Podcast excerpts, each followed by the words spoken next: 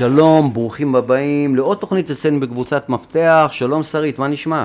בסדר גמור. אתה קונה במכולת או בסופר? אני קונה גם במכולת וגם בסופר. כמו כל עם ישראל. אז היום אנחנו מדברים על פתיחת מכולת. הרבה מאוד פניות, הרבה מאוד מכולות שכונתיות היום נפתחות. זה כמו טרנד חדש, אם תקשיבו לתוכנית של הקצביות אז תבינו שזה קורה בכל הארץ. אה, עסק שבשנות ה-80-90 מאוד מאוד פרח, בשנות ה-2000 נכנסו הרשתות הגדולות ופתחו מגה בעיר ופתחו שופרסל שלי והם ניסו להיכנס לזה וזה הוריד את השוק והיום יש פריחה מחדש.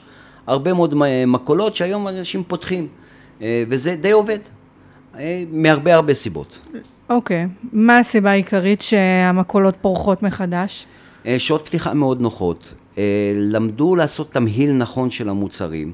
למדו שהם לא הולכים להתחרות בסופרים, הם הולכים לתת שירות נוסף.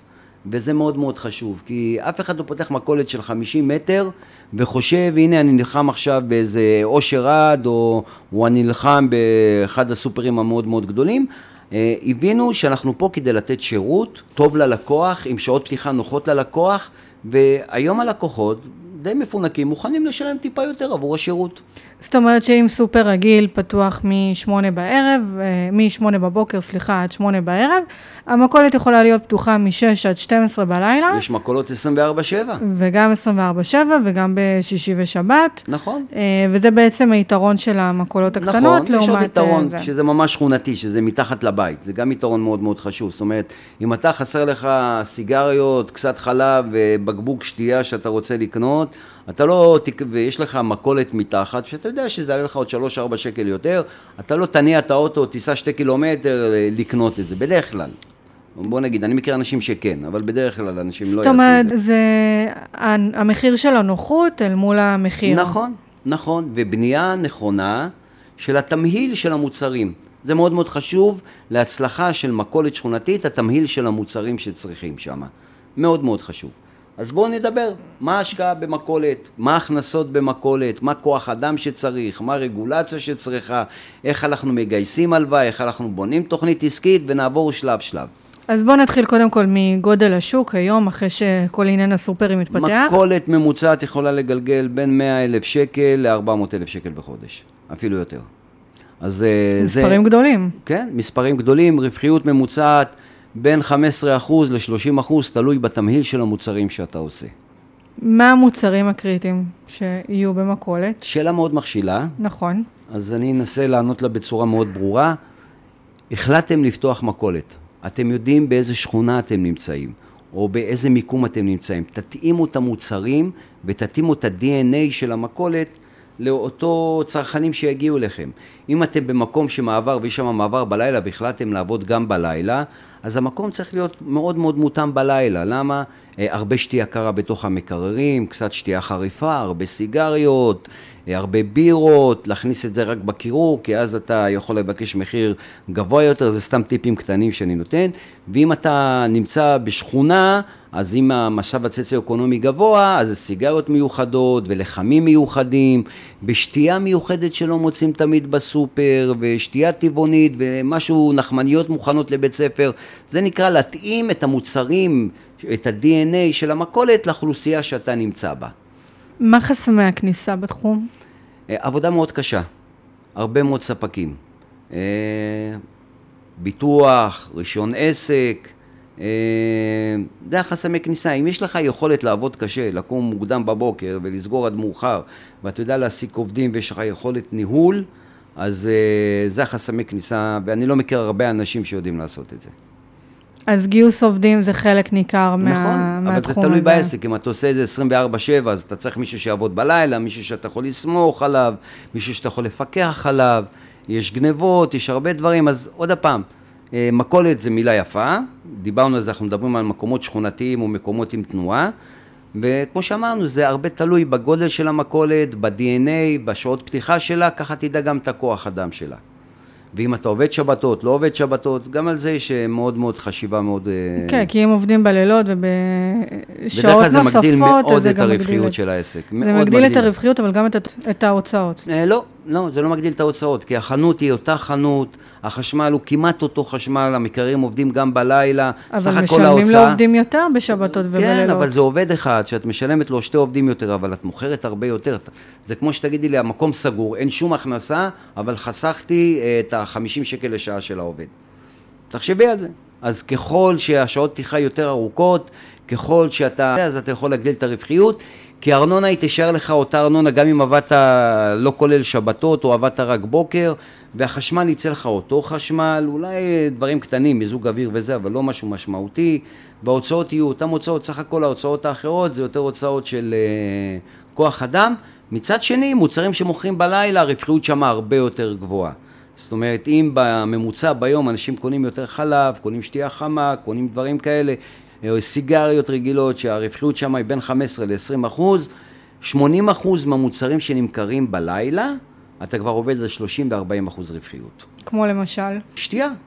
בלילה בדרך כלל אנשים מוכרים שתייה קרה, אז uh, אתה יכול למכור בבוקר uh, פחית שתייה או פחית בירה בשישה שקלים, שהיא חמה, ובלילה אתה מוכר רק שתייה קרה, שאתה מוכר אותה ב-12 שקל או 15 שקל. אז זה ההבדלים, זאת אומרת, זה להבין את ה-DNA של העסק, ואנשים באמצע הלילה שבאים, הם יודעים שהם ישלמו יותר לעסק הזה. אבל זה נוח להם. נכון, נוח להם, נכון. אוקיי. Okay.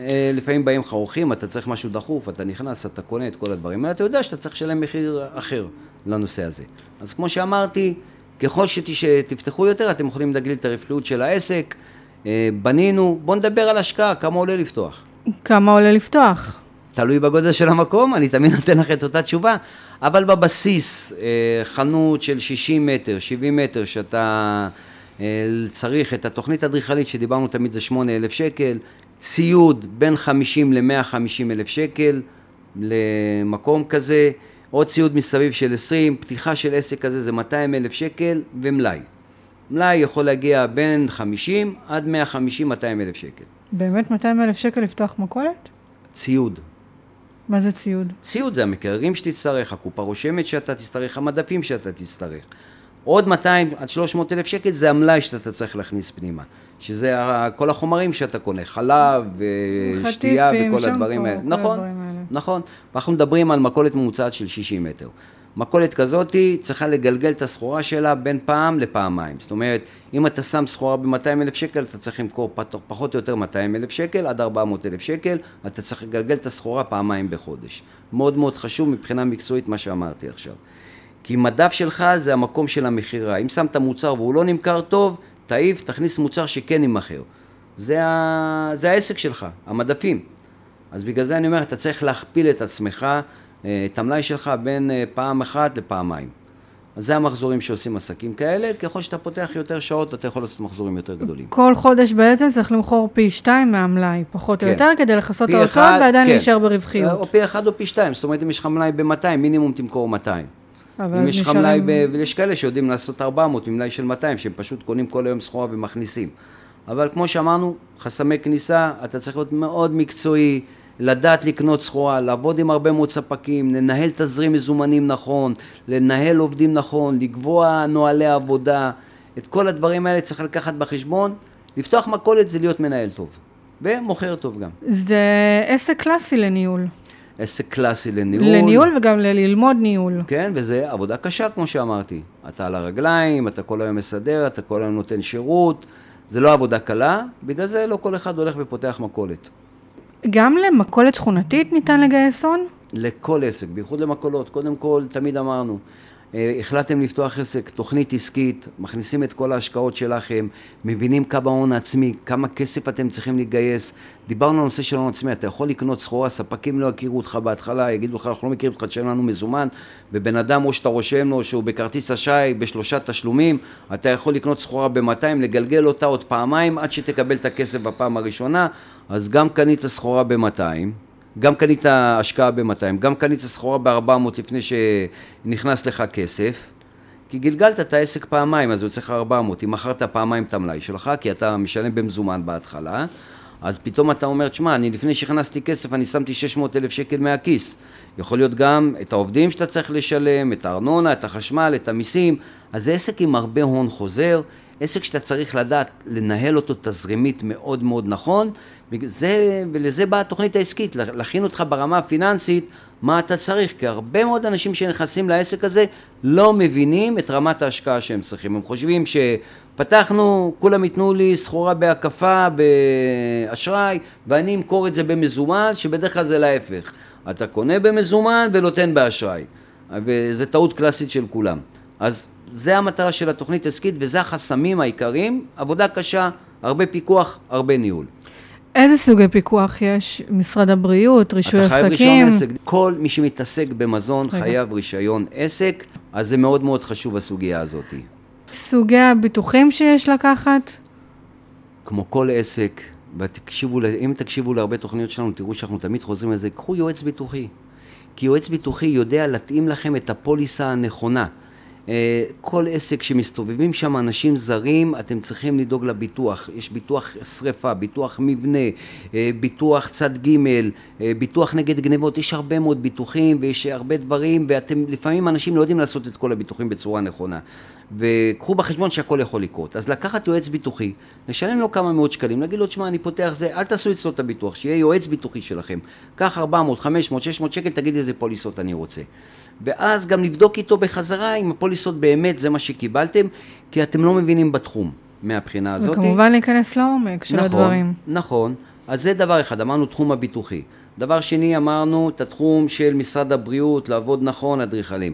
דבר שלישי, זה כל הנושא של רשויות המס. איך אני עוסק פטור, עוסק, זה לא עוסק פטור, כי זה תמיד הרבה יותר. סוגי התאגדויות. עוסק מורשה, חברה בע"מ, מה כדאי לי.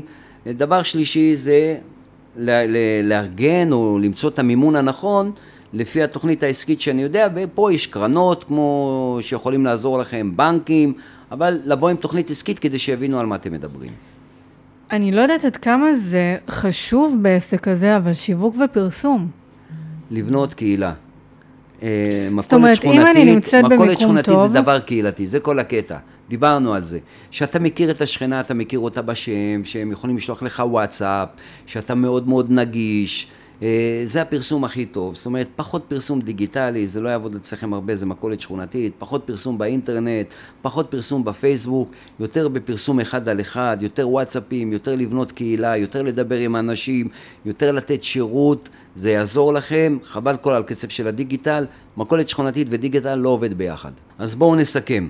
מציאה של מקום נכון, עבודה נכונה של אדריכל לפני שאנחנו עושים בניית תוכנית עסקית, הכנת כל הקטע המימוני מאוד מאוד חשוב, הרבה אנשים נופלים שם, הבנה של נהלים, לעבודה מול הרבה ספקים, ביטוח כמו שצריך ושירות כמו שצריך, ויהיה לכם הרבה הצלחה. כל מי שפותח מכולת מוזמן לפנות אלינו ואנחנו נעזור לו יד ביד עם הספקים, עם התוכנית העסקית, עם הגיוס הון. בשביל זה אנחנו פה, קבוצת המפתח. שרית, תודה רבה. תודה ובהצלחה. גם לך.